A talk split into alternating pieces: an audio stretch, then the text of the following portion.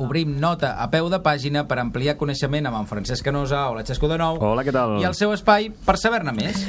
Community Manager, una paraula que durant aquests anys ha semblat com una mena de placebo perquè molta gent ha fet servir, no? És a dir, com a mena de pegats eh, per... Eh, hi ha hagut de tot, no? Hi ha hagut, diguem-ne, casos de fum impressionant i casos de, també de paradigma, de, de bona feina de comunicació política.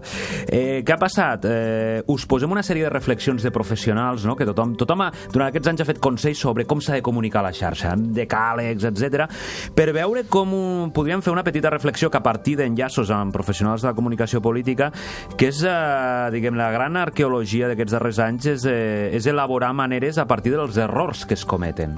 És a dir, jo crec, no sé si estarà Sí, d'acord sí. el, el Xavier, que moltes vegades s'ha dit s'ha de fer així, s'ha de fer això, etc. I el que t'ajuda més, el manual del community manager és el manual de l'error, Sí, senyor. moltes vegades, no? Que jo crec que aquesta és una de les primeres reflexions que podríem fer a partir d'aquests enllaços. Això ho dic per què? Perquè ens enllaça també amb una informació.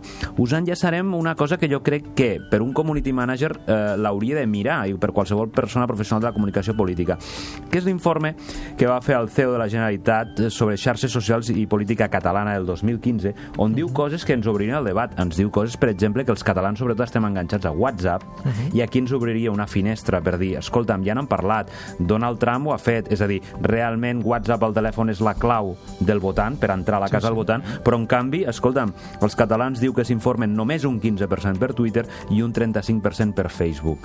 Per tant, aquí ens obre una, un passadís grinyolant des del punt de festa, de, per- perdó, des del punt de vista del que fa també el community manager a la xarxa, perquè hi ha uns votants que no hi són a la xarxa, d'acord?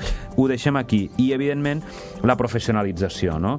Uh, L'hem tingut, jo crec que un bon exemple, de, per exemple, del que en diríem la monitorització del que és a les xarxes, ho fa l'amic Marc Argemí des de Civilare, per exemple, amb moltes de les monitoritzacions, exemple d'agència de comunicació que, eh, com tantes d'altres, han començat a radiografiar quin és l'efecte que, per exemple, tenen els, eh, els, els polítics, els perfils polítics a les xarxes, i a partir d'aquí aquestes dades, com amb el que en diem avui Big Data, eh, com, les podem, com, com, perdó, com les podem convertir, amb què les podem transformar, etc. Per tant, eh, serien tres elements no? molt, eh, molt diferents, un element de reflexió, vale? un element també de documentació i un element, diguem-ne, per veure per on pot anar tot aquest futur. I és com tu que fas homenatge a aquell programa d'aquesta casa que es deia el polièdric. És a dir, Ah, perquè tenim de tot. És a dir, sempre, sempre de... som calidoscòpics i pantone. I farcit.